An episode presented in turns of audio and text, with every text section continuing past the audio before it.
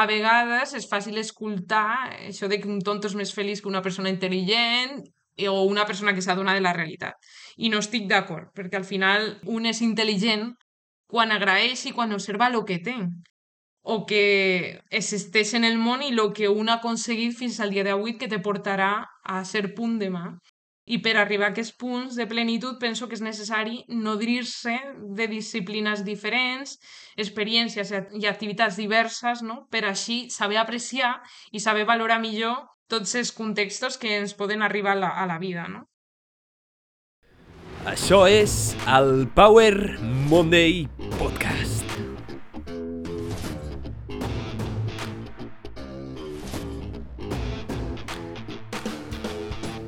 Benvinguts al Power Monday Podcast, sóc en Pau, el teu apassionat de salut, inspiració i ciència, i estic molt agraït de que estiguis escoltant aquest episodi.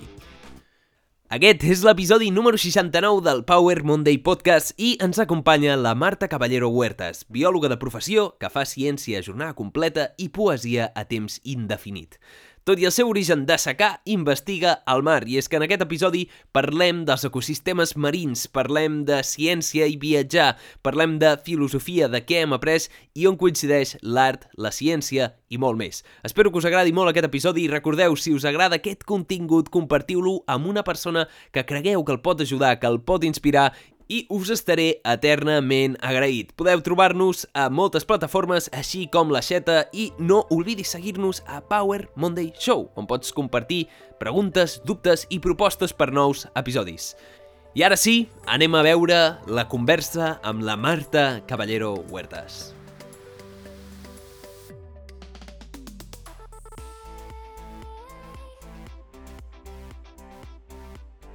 Hola Marta, benvinguda al Power Monday Podcast.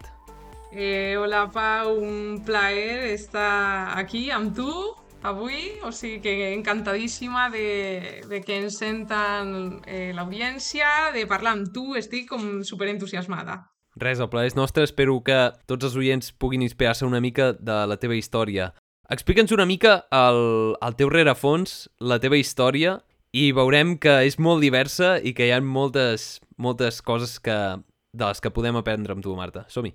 Pues no sé ni com començar, no? Lo primer que tot, jo crec que presentant-me una miqueta, jo sóc biòloga, eh, actualment estic fent el meu doctorat a la Universitat de Girona, porto mig doctorat, més o menys, que es diu aviat, però, però se m'ha passat eh, bueno, rapidíssim perquè jo crec que estem traient coses interessants no? i el dia a dia pues, fa que, que es passe ràpid. Jo sóc de, de Toledo, se me, se me nota, jo crec que en l'accent, però ja us dic que Girona m'ha acollit superbé, estic supercontenta, tant dels estudis que estic fent com dels meus supervisors, companys, universitat, o sigui que, que en la meva salsa total jo vaig estudiar biologia general, no sóc biòloga marina, no? moltes vegades dic que sóc mm. biòloga marina perquè em dedico a aquest camp, però jo vaig fer a Madrid de biologia com tal i després sí que és veritat que em vaig especialitzar en temes més dedicats a l'oceà.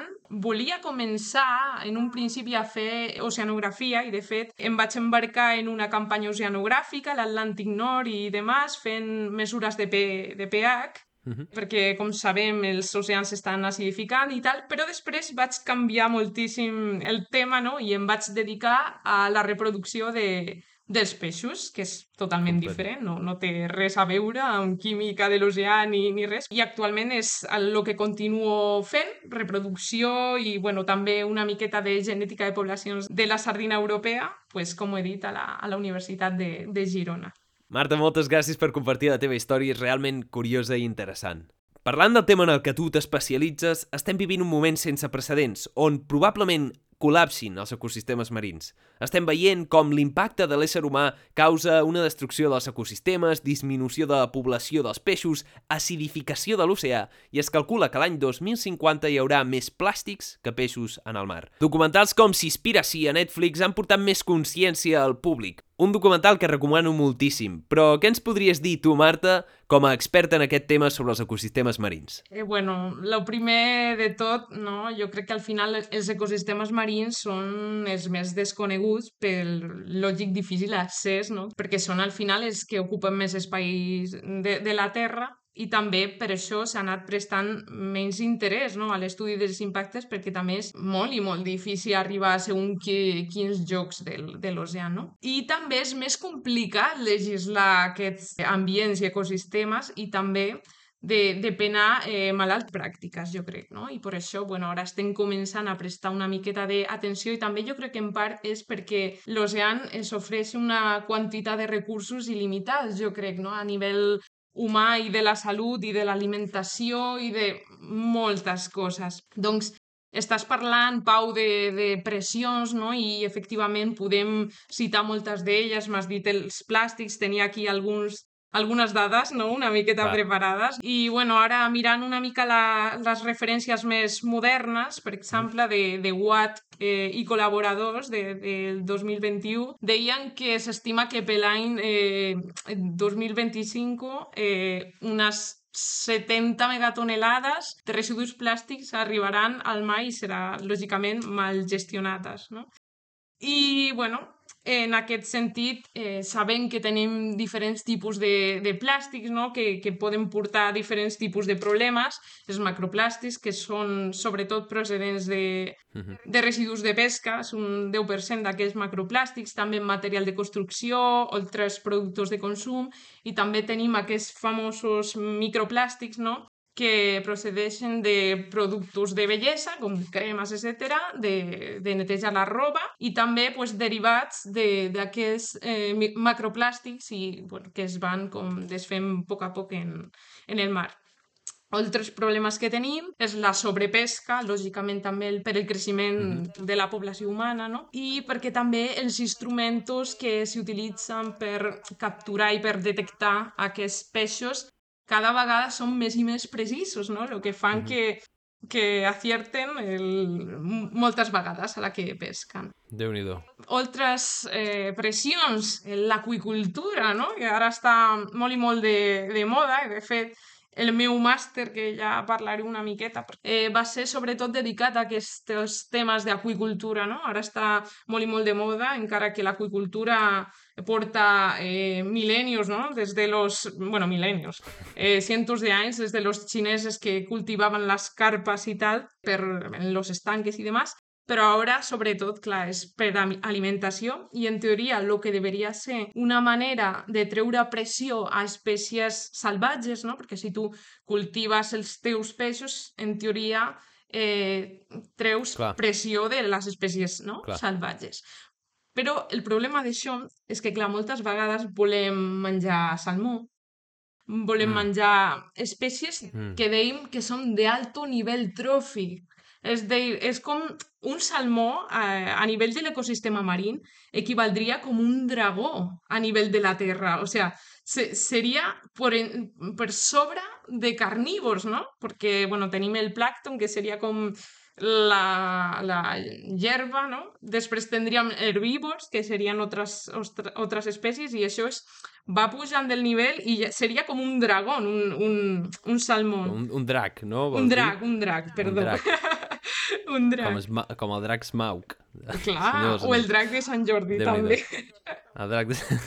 és a dir, el que entenc és que el problema ve en part del consum excessiu de peixos, la demanda excessiva amb una població global creixent, la contaminació i l'aqüicultura, que és com amb el que estàs especialitzada tu, ens pot oferir aquesta possibilitat de produir peixos, però alhora sembla ser que potser no pot cobrir tant aquesta demanda? Efectivament, però perquè volem unes espècies que demanen com també molt i molt eh, energia, no? no? No estem menjant peixos d'un nivell tròfic que el més accessible, sinó necessitem també molta proteïna d'origen animal. Si necessites proteïna d'origen animal per criar aquestes espècies com el salmó, què fas? Clar.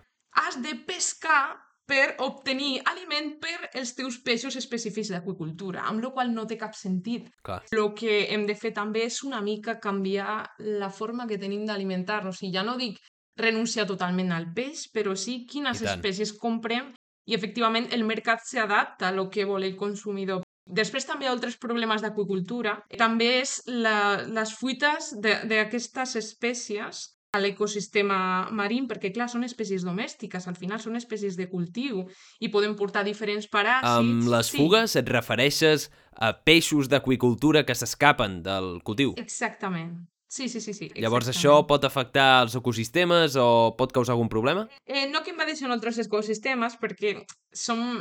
O sigui, aquestes espècies ja t'he dit que, que no podrien sobreviure moltíssim segurament uh -huh. a un ambient no controlat, però sí que portessin alguns paràsits o algunes coses que sí que Ja. poden fer que les espècies eh, salvatges, la mateixa espècie salvatge segurament, pues, eh, d'alguna manera es contaminés d'aquests eh, problemes o d'aquests paràsits que porten eh, les espècies cultivades. No? Eh, també la contaminació d'un cultiu intensiu d'aquestes espècies eh, pues, en un lugar concret, perquè bueno, hi ha aquicultura a terra, no? en una espècie de piscifactories o com piscines, no? però també hi ha xarxes a l'oceà que seria no, el més problemàtic. Ara mateix, quin és el peix que es consumeix més o es produeix més a nivell de piscifactoria? El salmó? Sí, eh, salmó també, les gambes, gambes i tal, però sobretot en, en Àsia, però en Europa, bueno, Europa, Xile, Nova Zelanda, etc., el, com el peix estrella és el salmó. També en És el, llubarro i, do, i, dorada en, i dorada en, en la Mediterrània són, són los jefes, o sigui, aquests dos, la dorada i el llubarro, són els principals a la I, Mediterrània. I en aquest sentit, Digues. en aquest sentit, té més impacte la piscifactoria que la pesca salvatge? Clar, estem parlant...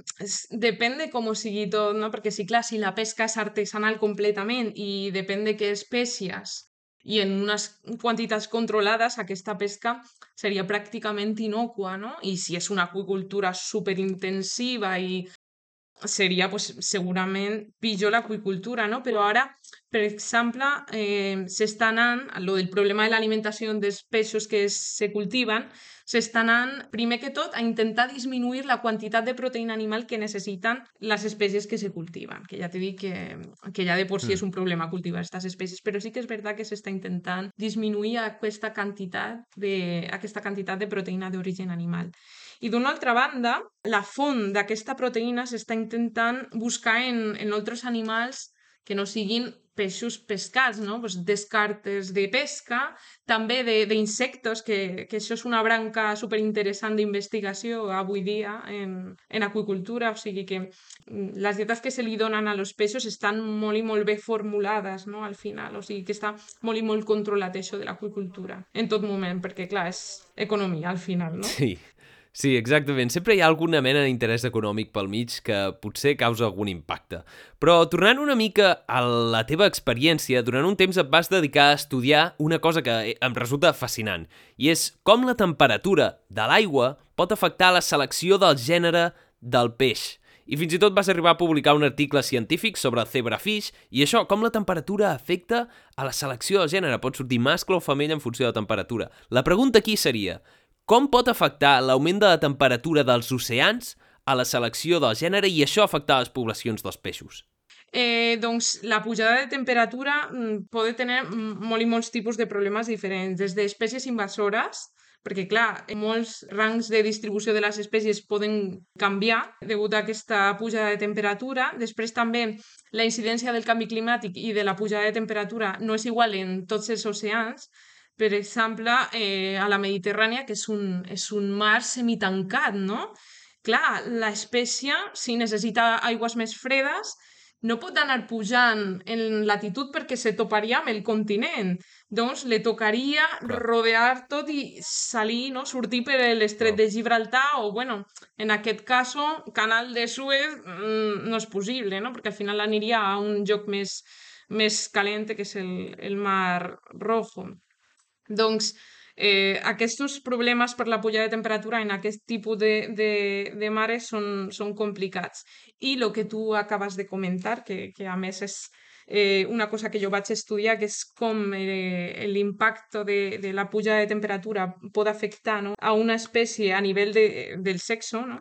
Ja sabem segurament que, que els oyentes eh, saben això de que les tortugues, segons la temperatura, eh, van a néixer eh, mascles o femelles, no? Pues amb Jo, els no- jo peixos... no ho sabia, eh? He de Ah, ser no? honest, no, no ho sabia.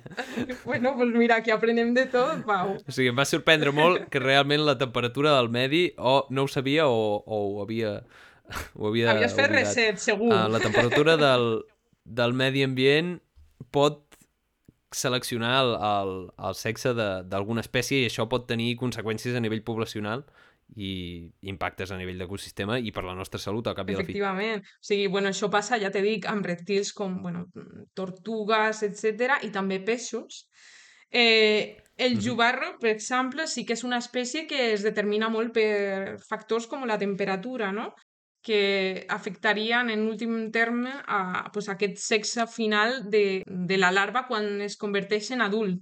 Després tenim altres espècies de, de peixos que en edat adulta poden canviar el sexe, o sigui que això, peixos transexuals totalment, i és increïble perquè, clar, un teixit gonadal, un perfil hormonal, canvia totalment la, pues això, el sexe de l'individu ja en un estat adult i desenvolupat. O sigui, és una cosa increïble, però també, pues, el que dic, eh, moltes espècies lo fan quan són larves i todavía encara no hi ha com un sexe molt definido, definido no? Seria a posteriori ja en edat adulta quan depenen una miqueta d'aquests factors es converteix en mascle o femella. Eh, ja dic, el jubarro o el peix eh, cebra, que és una espècie modelo que fem servir per eh, Mhm. investigar pues, moltes coses, no? I també pues, cosetes d'aqüicultura. Hem vist que temperatura afecta el sexe. Si puja la temperatura, tindríem un major num eh, nombre de mascles. Hi ha altres factors, com és també un estrès po- provocat per una quantitat eh, elevada d'individus a una població i també per eh, infeccions en l'estadi larval del peix. O sigui, quan la larva s'infecta eh, de cer ciertos patògens, quan és superpetita, això afectaria a l'estat de desenvolupament sexual de l'individu adult. O sigui, és una cosa com una mica de ciència-ficció, no? I clar, una mica lligant con això de, de l'increment de la temperatura, com podria afectar una població si aquests individus depenen completament del medi i de la temperatura, imagina't, podríem arribar a unes coses curioses, no? que serien pues, sex ratios de les poblacions pues, virats completament pues, cap a mascles o cap a femelles, depenent una mica de com sigui aquests processos de l'espècie en concret, no? que en, ens estem trobant, no, jo crec, almenys és la meva experiència, aquesta situació que durant molt temps hem pensat que l'oceà era un forat sense fons on podíem extreure peix contínuament sense cap problema, que no causàvem cap impacte amb l'oceà i ara estem veient com s'està acidificant l'oceà, està augmentant la temperatura i això realment pot perjudicar no només els ecosistemes, sinó tota la vida de la Terra um, per tot el canvi climàtic. En la teva opinió, quina és alguna acció que pugui prendre alguna persona que ens estigui escoltant? Què podem fer per aturar tot això i per ajudar que no vagi a més? Jo crec que primer que tot hem de ser cons conscients, no?, al final també de la, de la huella que, que deixem en el nostre dia a dia.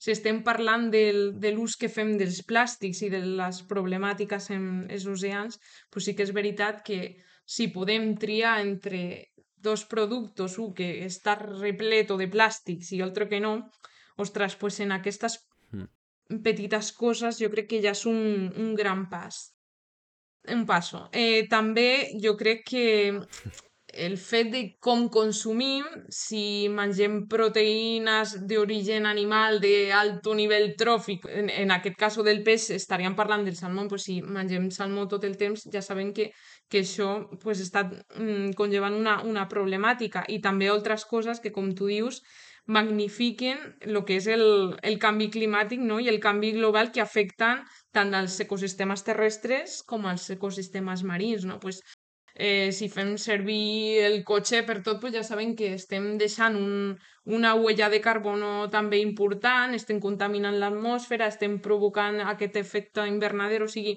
jo crec que que hem de ser conscients que en el nostre dia a dia podem fer molt per disminuir tota aquesta Mhm. huella, però també eh, com consumidors tenim una clau super, super, super important perquè al final les empreses faran eh, una mica el que el consumidor demana, no? I això era una notícia, crec que era de Coca-Cola, no? De que volien deixar com de produir plàstic i, i ampolles de plàstic i tal, però clar, deien que com el consumidor demanava les, les ampolles de plàstic, no podien deixar això, no? Wow. Doncs al final tenim més poder del que, del que pensem i moltes vegades jo crec que es fan pensar que no, precisament, jo que sé, per continuar con un, un cert sistema, però jo crec que tenim molt, molt poder, o sigui, molt més del que pensem. Estic completament d'acord amb tu, Marta, i de fet, en aquest podcast he parlat sovint de com les teves accions compten, com cada compra és un vot per determinar el mercat i això té un impacte en el teu medi ambient, i com és molt important i que cada persona prengui acció i sigui conscient del que fa, com fer una dieta basada en plantes, fer aquesta transició a un model més basat en plantes, procurar comprar amb cada acció i ser conscient del que estem fent i de com impacta el nostre entorn, perquè això ens impacta directament a nosaltres. Però ara canviaré una mica de tema, a part de tenir molts articles científics publicats, també t'encanta viatjar. Com pots compaginar això de viatjar amb la ciència? Bueno, Pau, molts articles, molts, molts articles. Dios te escuche, com jo dic. Anem per feina a poc a poc i, i estic contenta perquè al final sóc jo. Veus? No, no vaig malament perquè jo crec que se me nota que, que és que m'agrada moltíssim el que faig, això, això és veritat. Eh, bueno, jo crec que si hi ha una cosa bona i magnífica de la ciència al final, perquè ens podem queixar de moltes coses, no? entre altres financiació, etc però bueno, no, no parlaré molt d'això, però sí que sí hi ha una cosa bona, jo crec que és que et permet viatjar sense fronteres, pràcticament, no? Perquè el més probable és que de la teva branca i del teu tema d'investigació hi hagi un grup que es dedica més o més a lo mateix a l'altre costat del món, no? I que hi hagi un interès mutu per comunicar-vos i aprendre en, en cooperació. I, de fet, bueno, eh, estem parlant i, i jo estic aquí a Roma ara mateix Podcast internacional. Eh, fent una estada del meu doctorat perquè, bueno, estic en, en un grup ara mateix aquí de, de parasitologia, no? que són expertos en, en paràsits, en peixos, bueno, també en humans, etc i això és el que m'ha permès al final venir cap aquí. I la veritat que, que viatjar me va agradar des de ben petita perquè, bueno, vaig començar a, a agafar avions sola des dels 12 o 13 anys, que anava a fer com un intercanvi wow. i tal, però buscant-me la vida totalment sola sí que era una mica més major, estava segon de carrera, eh, tenia eh, 19 anys o així i vaig anar a Londres, però més que res a, a practicar i a eh, aprendre l'anglès. I bueno, tot això sí que és veritat que m'ha permès guanyar seguretat en mi mateixa des del principi, no? I, i també conèixer gent al final en situacions similars a, a la meva, però de backgrounds molt i molt diferents pels països als que perteneixien, etc. No? I jo crec que això és superimportant també per adonar-te de que la nacionalitat al final no ho és tot. Mm. I al més no te ha de controlar en qui vols ser o a què vols aspirar, no? I, bueno, això lo, ho vaig acabar de comprendre al màster que he tingut la sort també de, de fer i de, i de superar. Eh, vaig fer com un màster internacional, no? Es diuen eh, màsters Erasmus Mundus, mm en el meu cas, bueno, podies triar... Era un màster general de recursos marinos renovables, es deia. Però jo vaig triar com l'especialitat de Marine Food Production, que era pues, això, aquicultura, també algo de pesqueries, no? I eh, segons la especialitat podies triar eh, anar a una universitat d'un país, d'altre, el teu projecte de fin de màster lo podies triar com volguessis i al país que volguessis, etc. Jo vaig anar a Nova Zelanda a, a fer-ho em va pillar el, el Covid també en allí, bueno, no, no a mi mateixa, però era la situació Covid aquesta i vaig tenir que tornar, però bueno, eh, vaig aprofitar ahir uns, uns mesos i tal, i sí que vaig conèixer un, uns quants països, vaig estar visquint a, a Portugal, Noruega, Nova Zelanda, el nord d'Espanya, que tampoc coneixia molt en aquells temps, i bueno, una experiència, la veritat, que, que molt i molt interessant per, per lo que t'he dit, perquè xocava d'alguna manera no? estar estudiant el mateix que, un, que una altra noia d'Iran i que ella me, me contase una mica pues, lo que ella vivia en el seu país, com era la situació i que ella pues, eh, buscava un futur diferent i millor per la seva situació, sobretot de dona, en ciència en el seu país. No? O sigui mm -hmm. que que també te, te, te fa valorar el que tens, eh, on t'has criat, etc. no? Que és, és diferent. Altres Ah. amigues de, del màster, per exemple, era, bueno, una amiga era de Tanzània, tenia un, un fill al seu país i no le veia des de fa un, un any, no? O sigui que un fill petit. Sí. O sigui, són coses que dius, ostres, no? He he de valorar el que tinc i, i com estic aquí, que al final, bueno... I també, pues, això, que pots estar en una altra situació i, i aún així eh, compartir coses con gent que, que bueno, es troba en, en punts diferents no? de la seva vida, però seguir con, consiguiendo les mismes coses al final, les mateixes coses. Sí, realment, jo crec que viatjar t'obre molt la perspectiva. Jo no tinc aquesta experiència a nivell acadèmic i m'hagués agradat fer-lo, però tots els companys que han fet Erasmus crec que et pot ensenyar moltes lliçons i no fa falta realment anar molt lluny per, per viure coses magnífiques, però sí que el simple fet de canviar-nos de localització sembla que els humans ens dona una altra perspectiva completament diferent. M'agrada molt que hagis viatjat tant, realment t'envejo per això. Um, crec que fa falta molt coratge i fa falta, doncs, bueno, fer una mica el pas al buit perquè al principi pot amenaçar sortir d'aquesta zona de confort. La veritat, no tinc cap mala experiència, o sigui, hi ha eh, jocs en els quals més m'he sentit com més còmoda pot ser, i el que sigui, però sempre m'he trobat gent, tothom m'ha ajudat en el que he necessitat. No sé, al final eh, et fas el teu joc en qualsevol país, en qualsevol circumstància, això és veritat. I dius, ostres, si és que m'acostumaria a estar aquí, saps? Després passen eh, cinc mesos, ostres, m'acostumaria a estar acá. O sigui, que és veritat que te vas, te vas fent a, a tot i és com la, pues això, la, la capacitat de d'adaptar-nos a, a tot, jo crec, al final. Està superbé, realment és molt admirable i viatjar sempre t'obre i sempre et fa veure el món d'una altra manera. Però ara canviant una mica de tema, parlarem d'una cosa que sí que em xoca de la teva feina, i és que a part de ser científica i dedicar-te a la biologia, també et dediques a fer art, poesia. On coincideix això de l'art i la ciència? Mare de Déu, a veure per on hi començo. Bueno, lo primer de tot dir jo quan era més petita, que estava a batxillerat i tal, jo pensava que, que tenia que triar una cosa, o ciències o lletres o tal, però ara mateix no puc estar menys d'acord perquè jo crec que no, que, que no té res a veure, no, no és descartable una cosa Exacte. sobre la otra, no? I, bueno, te, te vull comentar així una mica, però, mira, al final, no sé si era Michel de Muntanya o així, no? Que deia que, que la felicitat no és, és, no sé, una càrrega per els demás ni per tu mateix, no? I jo no puc estar més d'acord, encara que afegiria altres matisos com que l'assumpte de sentir-nos eh, en la recerca d'aquestes coses eh, que ens definen i ens aporten un creixement intern, no? I a, a vegades és fàcil eh, escoltar això de que un tonto és més feliç que una persona intel·ligent i que no s'adona la realitat i tal, però no estic res d'acord, no? Perquè al final eh, un és intel·ligent quan agraeix i quan observa el que té, el que existeix en el món i el que un ha aconseguit fins el dia d'avui, no? I que te portarà a ser punt demà.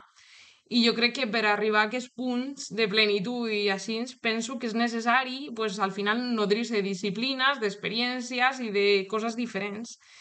I des de la infància s'ensenyen això, no? A triar entre ciències o lletres, o el cap matemàtic o d'humanitats. I, de Exacte. fet, jo crec que això té el sentit de la manera en la qual està estructurat el, el cervell humà, no? en aquests calaixos eh, diferenciats per facilitar així la, la memòria, no? per exemple. Aunque, bueno, no sóc una experta en neurobiologia ni, ni res, però, però bueno, no obstant això, pues, la connexió entre els calaixos és evident. I com és possible, per exemple, que classifiquem tanta llum la filosofia de les ciències quan al final la segona ve de la filosofia en si mateixa, no? I jo crec Exactament. que, que estic completament d'acord, eh, no sé tu, Pau, però de recuperar un approach de vida molt més renacentista, de connexions i, i de no descartar una cosa o la otra, no? Sí, sí, completament d'acord. Jo crec que est estem vivint realment com una transició. Um, venim, jo crec, i òbviament no sóc cap mena d'expert, uh, venim d'un sistema més aviat industrial en el que et preparen per fer una feina X, quan siguis gran treballaràs d'això i treballaràs i viuràs d'aquesta feina el reste de la teva vida, i veiem que aquestes feines cada cop són més efímeres, que el mercat laboral canvia cada vegada més i que no tot és el mercat laboral i la teva feina no és la teva vida. I hi ha molt més enllà. I ara amb aquesta llibertat i pau que podem experimentar, jo crec que més que mai un científic pot ser artista, pot ser filòsof, pot posar-se a fer podcast, pot posar-se a fer el, el, que, el que li sembli i el, el que li apassioni al final. Clar. I crec que a vegades amb aquesta tendència a encasillar-nos, a tancar-nos en banda de soc científic o soc de lletres, ens tanquem portes a experiències realment increïbles. Jo el que, te, pues, lo que te volia dir és això, no? que al final no puc descartar una cosa o l'altra, perquè amb la ciència em guanyo la vida, no? També. M'apassiona. M'ha permet viure de les millors experiències de la meva vida i al final el que m'ha fet ser pues, qui sóc actualment, no? Però no he de renunciar, jo crec, a altres coses com l'escriptura més poètica, les arts plàstiques i tal, perquè, bueno, Eh, jo crec que, que a més, mira, per, per exemple, el Schopenhauer, és un filòsof, no? deia també que l'art proporciona un coneixement essencial dels objectes no, del món d'una manera més profunda que la ciència o l'experiència quotidiana. Bueno, jo crec que són coses diferents, no?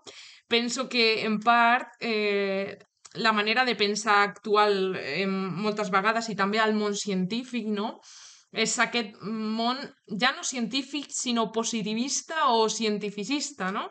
en el qual només s'accepta eh, que ve del món científic i, i bueno, en, en part en assumptes purament de funcionament, de comportament de la natura, eh, d'explicar al final el com, la ciència sempre s'aproparà a la resposta, això és així.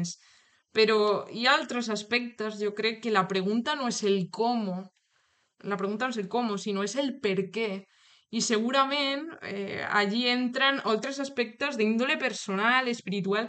El com funciona algo per tu i per, mi, eh, i per mi és el mateix, com funciona. Eh, o com va el, el canvi climàtic, o com va el que sigui, una resposta, o com, com és que s'arriba la llum al, quan eh, pressionamos l'interruptor. I això és el mateix per tu i per mi, però el per què el per què estem aquí, el per què hi ha llum, el, que, el per què existeix la llum. O sigui, això és una altra resposta, no? I jo crec que, que això és d'índole totalment espiritual i que això és una part també del ser humà que no hem de renunciar. Per què hem de renunciar? O sigui, una cosa és la ciència i altra cosa és l'art o l'espiritualitat o com reflexen l'espiritualitat mm, mitjançant pues, l'art o el que sigui.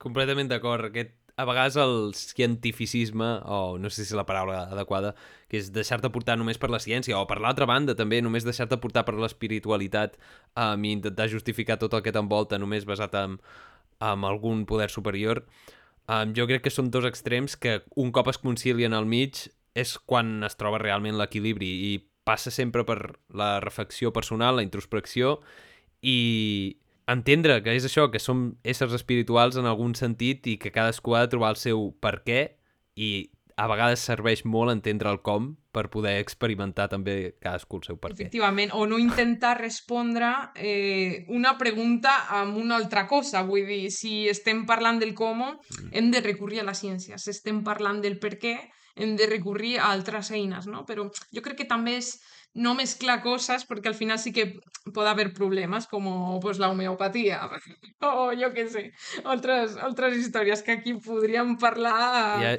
ja, dues hores. Ja has dit una paraula que potser a alguns oients no li agradarà. Bueno, mira, jo no, lo sento, no, jo no... Agrada és poques broma, vegades. no. Però, a part d'això, a part de que li agradi molt la poesia, la Marta ha acabat publicant el seu propi llibre de poesia. Marta, què ens pots explicar d'aquest llibre?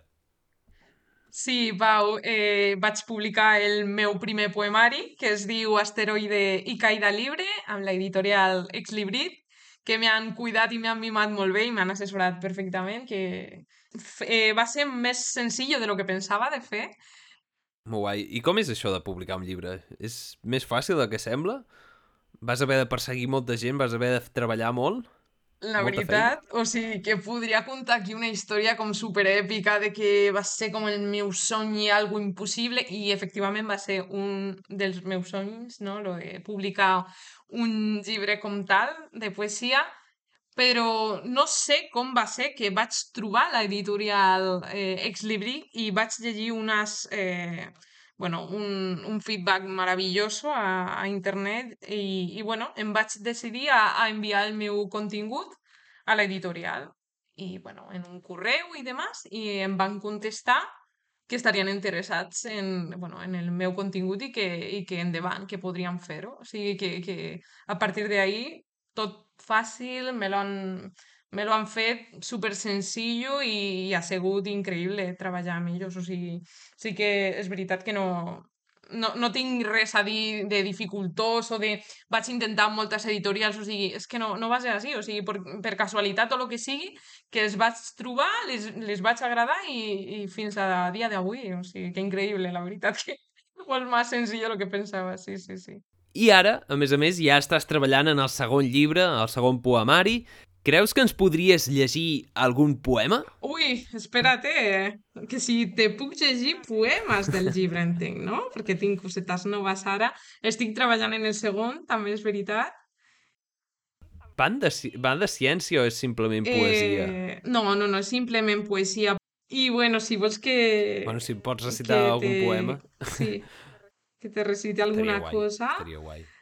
Eh, a ver, a ver, no sé, no sé cuál, cuál llegirte. Per hmm. curiositat. Venga, va, por curiosidad. A ver, dice así. Me empieza a gustar la búsqueda de mi yo versátil, aunque si me defino como tal, quizá en algún punto deje de serlo. No rendirme cuenta siquiera a mí misma, no buscar una acepción a mi nombre y apellidos preocuparme por ser cada día la persona que me apetece ser, sumando facetas, restando vergüenzas y multiplicando reinvenciones. Tener conciencia de que cada día que amanece hemos cambiado puede traer un miedo infinito a desconocernos y que nos desconozcan, y a perder el nicho que hemos de ocupar o creemos que debemos, porque así nos lo han otorgado los terceros. Me ha costado mucho aprender esto, de hecho, quizá no lo he asimilado todavía.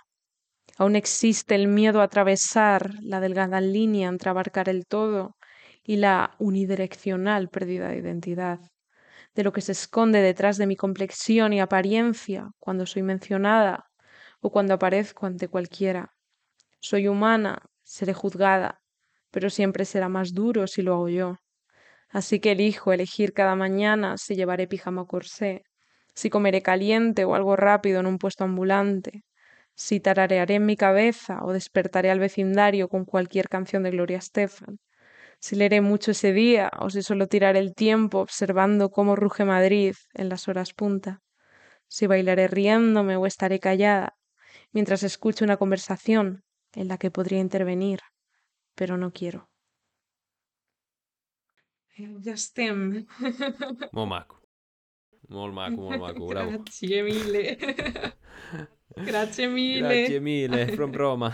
Ara, tornant al tema de la teva carrera científica, tu has tingut l'oportunitat de tenir certa progressió, de treballar en aquest món, però per moltes persones és molt difícil i per alguns a vegades sembla impossible dedicar-se en el món científic. Quins consells donaries a aquelles persones que s'estan plantejant llançar-se en aquesta carrera? És com, no et preocupis perquè al final tot és resistir, no? El que resiste és el que guanya. El, el meu pare sempre m'ho dit i jo crec que és, és veritat, no és ni el més intel·ligent ni el més... No, és el que resiste, no? Al final, si... Pot ser que, que en algun moment algú se t'atasqui, eh? I no, no seran ni els primers, ni els últims, ni els únics que els passi això. Però que per una assignatura, dues assignatures del batxillerat, mm, institut o el que sigui, ja canvies tot el teu futur que, de, de algo que potser t'apassione des de, des de jove, no, no té cap sentit. O sigui, que jo crec que si és per alguna cosa concreta o alguna matèria concreta, que això no és el problema. Això és el primer consell que jo donaria. També eh, dir-te que els calés o els diners no són una motivació pels científics, no? Igual que jo crec que hi ha altre tipus de, de feines que no, que pot ser que també t'agrade la feina com tal, no? però en principi és la motivació ha de ser pues, contribuir a la societat i contribuir a tu mateix, no? perquè al final no deixes d'aprendre, no deixes d'estudiar, no deixes de formar-te. Tenia aquesta Efectivament, curiositat. a mi me paguen per formar-me dia a dia. Això és molt guapo, és molt interessant. Jo també repercutiré d'alguna manera, petita, més gran o el que sigui, a la societat amb el que jo estic descobrint o jo estic aprenent, no? Però també jo m'estic formant i dia a dia mm, sóc més, més completa en un tema, o sigui que això és una motivació molt gran, perquè al final, des de que comencem la carrera d'estudis, no? o des de que som pues, joves i comencem en, en l'escola, l'institut o el que sigui, pues, paguem per estudiar, no? Però d'aquesta manera, quan ja arribem a un punt, és una feina estudiar no? I, i formar-nos. O sigui, jo crec que aquest punt és essencial. Després també dir que els científics són, crec que és la primera o la segona professió més valorada a nivell social. Només falta que a nivell polític i econòmic també se, se reconozca no? aquesta... Això estaria bé, eh? ja, ja seria complet tot. Estaria bé, estaria però, bé. Però bueno, jo crec que és, és molt i molt bonita aquesta carrera i sacrificada, està clar, perquè clar, jo estic, estic a llum de la meva família eh, molt de temps eh, de la meva parella, dels meus amics, o sigui, sí que és veritat que no cal que tampoc viatges tant, però sí que és veritat que el teu currículum, eh, currículum es basa molt en, en aquestes experiències, en anar a un grup, en publicar amb uns científics de no sé on, o sigui que normalment quan més, quan més mobilitat eh, portes en la teva carrera investigadora, el teu currículum és millor i podràs aconseguir millors oportunitats de financiació, de places pel dia de, de demà, etc. O sigui que això, això sí que és veritat que en coses és apassionant el viatjar i tal, però també té la part més negativa no? a nivell familiar, personal, el mm, que sigui. Sens dubte, la vida del científic no és una vida de roses, però jo crec que si poses passió i realment t'agrada, pot ser increïble i pot ser molt gratificant i en si pot ser algun tipus d'art. Ens parlaves que estàs a punt de publicar el teu segon llibre de poesia, de que tens més projectes en ment, que estàs treballant amb altres coses, has publicat alguns articles... Um, ens podries compartir les teves xarxes socials per la gent que et vulgui trobar per internet? Eh, bueno, així de xarxes socials i aquestes coses, el meu Instagram, no? que ara és lo, és lo que més faig servir perquè m'agraden molt les fotos i aquestes coses i també perquè és un, joc on jo com que me mostro tal i com soc, no? que te puc parlar de coses d'art que m'han agradat i puc posar una foto del paràsit que m'he trobat aquest, aquesta matina, no? O sigui que eh, el meu Instagram, lo dic, que si no al final me, me marxo per les branques, és sí el mar i l'arte, tot junt, el mar i l'arte. I bueno, si voleu llegir algun article científic, simplement si busqueu en Google Acadèmico, no? però és un lloc on, on trobar els treballs científics, eh, podem buscar-me pel meu nom, que és Marta Caballero Huertas, i ahí podem trobar les investigacions que, que porto fins a la data, les coses Facebook Marta Caballero Huertas, eh, Twitter Marta KU, con H de Huertas, bueno, i algunes altres xarxes que suposo que posaràs, Pau, perquè si no s'oblidaran de tanta okay. cosa. I tant. A la descripció podreu trobar tots els enllaços a les seves xarxes, així com Twitter, Instagram, Facebook, i també podreu trobar els seus articles, articles que ha publicat, i el seu llibre, que recomano moltíssim que feu una ullada per donar suport a aquest tipus de projectes, que no tot és ciència, també podem ser artistes, i podeu comprar el seu llibre, que es titula Asteroide i Caïda Libre a Ex Libric. Bé, anem acabant ja aquest episodi i per acabar m'agradaria fer-te dues preguntes. La primera és les tres veritats. Imaginem-nos que estem en un futur hipotètic, on mors i lamentablement tot el teu treball i feina desapareix amb tu, però tens l'oportunitat de deixar tres missatges a la humanitat. Quins serien aquests tres missatges? Ostres, no em digues això, que quedarà destruït el meu treball. però, què diria? Lo primer eh, intenta disfrutar amb tot el que, el que fallis, surta de la, de la zona de confort perquè és on et vas a conèixer eh, tu mateix millor i això ve, ve lligat perfectament eh, amb el fet de que quan et trobes en moments difícils és quan de veritat saps que, que vales per qualsevol circumstància del món. O sigui que més que res serien aquestes dues, tres coses les que jo diria. Molt, molt encertades, molt encertats aquests principis i crec que la humanitat es beneficiaria molt si els apliqués constantment. Per acabar, sí que tinc l última pregunta, i és la següent. Quina és la teva descripció d'èxit? de grandesa, de triomf. Què és per tu l'èxit? Èxit, jo diria construir-se a, uno mateix, al final, des de baix, però també proporcionar coses a la societat. Jo és el que crec. O sigui, si cadascun se, se mira l'ombligo i diu, no, jo he arribat fins aquí, sí, però què has aportat també als demás? Jo crec que una persona no és d'èxit si no ha tingut com un impacte en els demás, no? En la societat o en el seu vecin o qui sigui, no? En, en algú de fora. Jo crec que això és èxit. És no només una vida sola, sinó el que la teva vida pot eh, impactar en la, en la de los demás, d'alguna manera. És una molt bona descripció d'èxit. Res, Marta, moltíssimes gràcies per haver-nos acompanyat en aquest episodi. Ha sigut tot un honor tenir-te en la primera entrevista en català en aquest podcast. Pau, moltíssimes gràcies per aquesta oportunitat, perquè bueno, m'ha agradat moltíssim, he estat super còmode amb tu i espero que sigui la primera de, de, de, de altres, no? No sé si de moltes, però d'altres potser sí. Però bueno, ha, ha sigut un, un plaer eh, estar aquí amb vosaltres compartint les meves petites, grans experiències i, i m'has fet eh, aquest moment molt, molt feliç. O sigui que moltes gràcies, Pau, un, pla, un plaer. De nou, moltes gràcies a tu per acompanyar-nos en aquest episodi. Recordeu que podeu trobar tots els enllaços a la descripció de les teves xarxes socials, estudis i el seu llibre a Exlibric, Asteroide i Caida Libre. Envieu-li una mica d'amor, seguiu-la a les xarxes socials i compartiu aquest episodi per inspirar a més gent. I això és tot per aquest episodi. Moltíssimes, moltíssimes gràcies per haver escoltat aquest episodi. Espero que t'hagi agradat molt o t'hagi aportat una mica de valor. Recorda, si t'ha agradat aquest episodi, si us plau, comparteix-lo amb una persona que creguis que el pot ajudar. Ajudaràs a expandir aquest missatge d'inspiració, ciència, coneixement per viure una vida millor.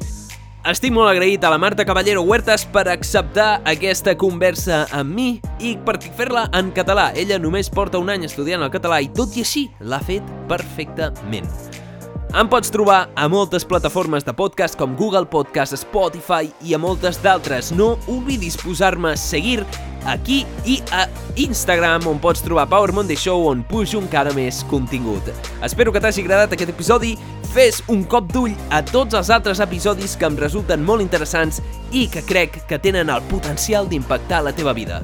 Si ningú t'ho ha dit encara avui, recorda que ets suficient, ets estimat i ara és un bon moment per prendre acció per viure la teva millor vida. Moltes gràcies per estar a l'altra banda de l'episodi. Et desitjo una setmana èpica, plena de creixement personal i d'amor. I ens veurem, com sempre, en el pròxim episodi. Ciao! Per acabar, per aquells que es queden fins al final, sempre tinc alguna pregunteta, alguna cosa. Um, voleu més entrevistes, voleu menys entrevistes, voleu que tots siguin monòlegs d'en Pau o volem que portem aquí gent increïble? Digueu-m'ho en els comentaris a Power Monday Show i no oblidis seguir-me a la xeta on pots donar suport a aquest contingut. Moltíssimes gràcies. Bona setmana. Ciao.